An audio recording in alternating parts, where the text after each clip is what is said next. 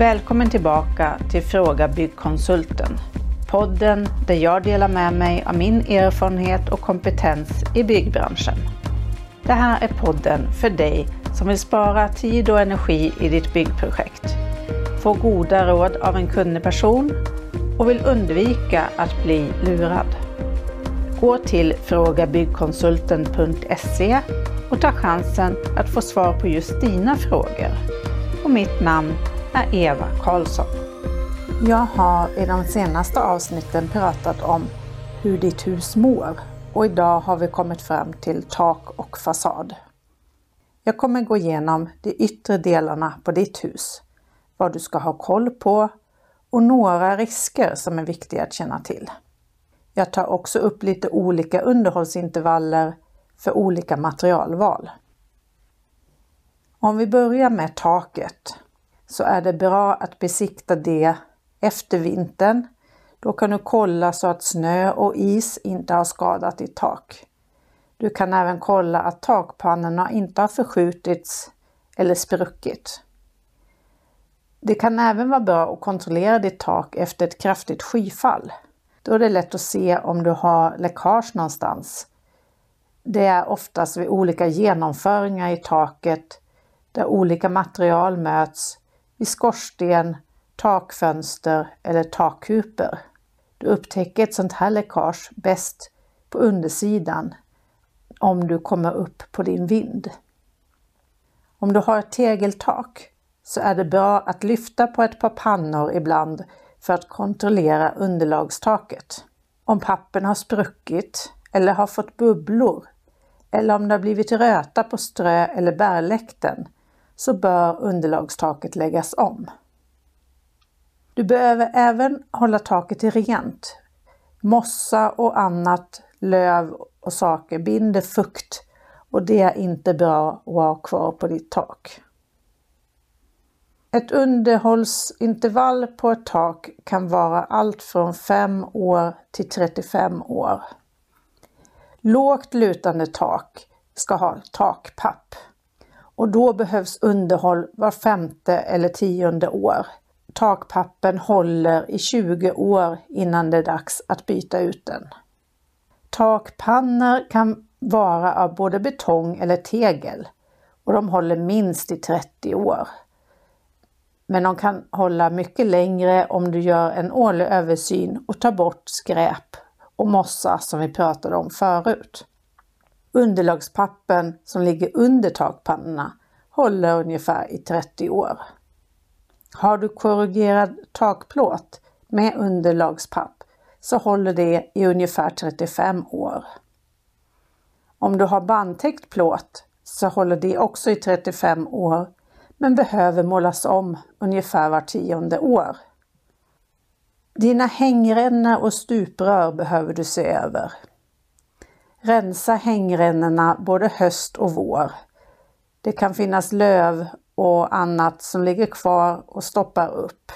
Du behöver också kontrollera fallet på dina hängrännor. Annars så kan det börja rinna vatten åt fel håll och stå kvar vatten på fel ställen. Det behöver luta mellan 2,5 till 5 mm per varje meter av hängrännan.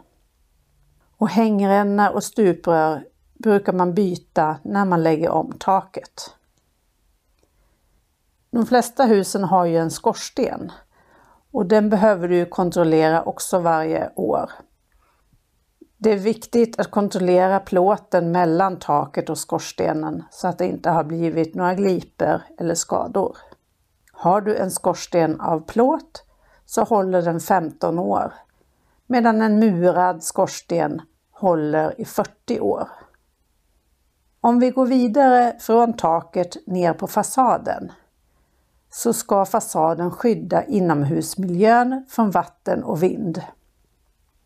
Att förhindra att vatten tränger in gör du genom att underhålla din fasad. Växter kräver fukt och det är inte en bra idé att ha växter direkt mot fasaden. Du behöver även tänka dig för när du ska sätta upp saker på din fasad. När du gör hål på fasaden så tar du hål på det lager som ska skydda insidan mot vatten.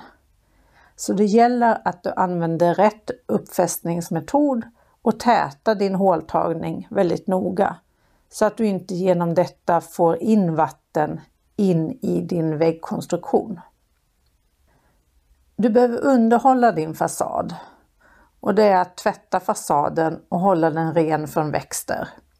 Du behöver kontrollera fönsterbläcken, att de är i ett gott skick och leder bort vattnet ifrån fasaden så att de inte helt plötsligt börjar luta inåt mot dina fönster.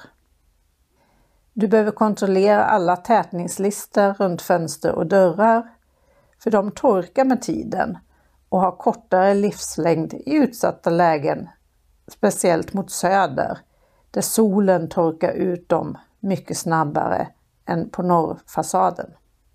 Titta även över kittet på fönster och beslagen på fönster och dörrar. En träpanel brukar målas om var tionde år och efter 40 år så är det dags att byta panelen. Men på en fasad som är väldigt utsatt för väder och vind och speciellt på en fasad i söder så kan det krävas underhåll med tätare intervall.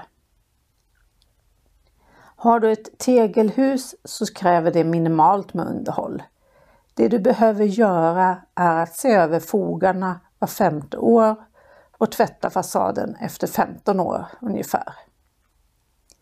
Puts kräver också minimalt med underhåll men kan behöva målas om vart tionde år.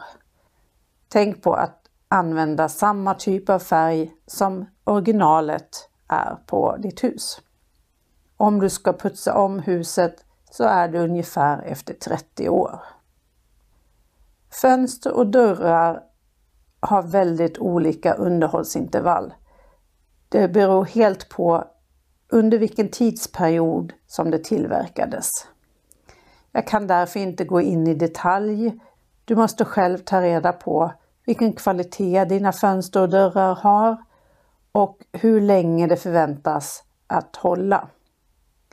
Några saker kan vara bra att veta och det är att du kan behöva byta ut isolerglaset på vissa fönster för de blir otäta med tiden. Och en del fönster och dörrar kan du behöva målas om. Så lycka till nu med din renovering av din fasad och om du sköter om huset så kan du hålla mycket längre än de tiderna som jag har angett här i podden. Tyckte du om det du har hört? Tryck tumme upp och skriv en kommentar. Och dela gärna till dina vänner så att fler får ta del av min kunskap. Om du vill ha svar på en fråga, stor som liten, så gå till frågabyggkonsulten.se.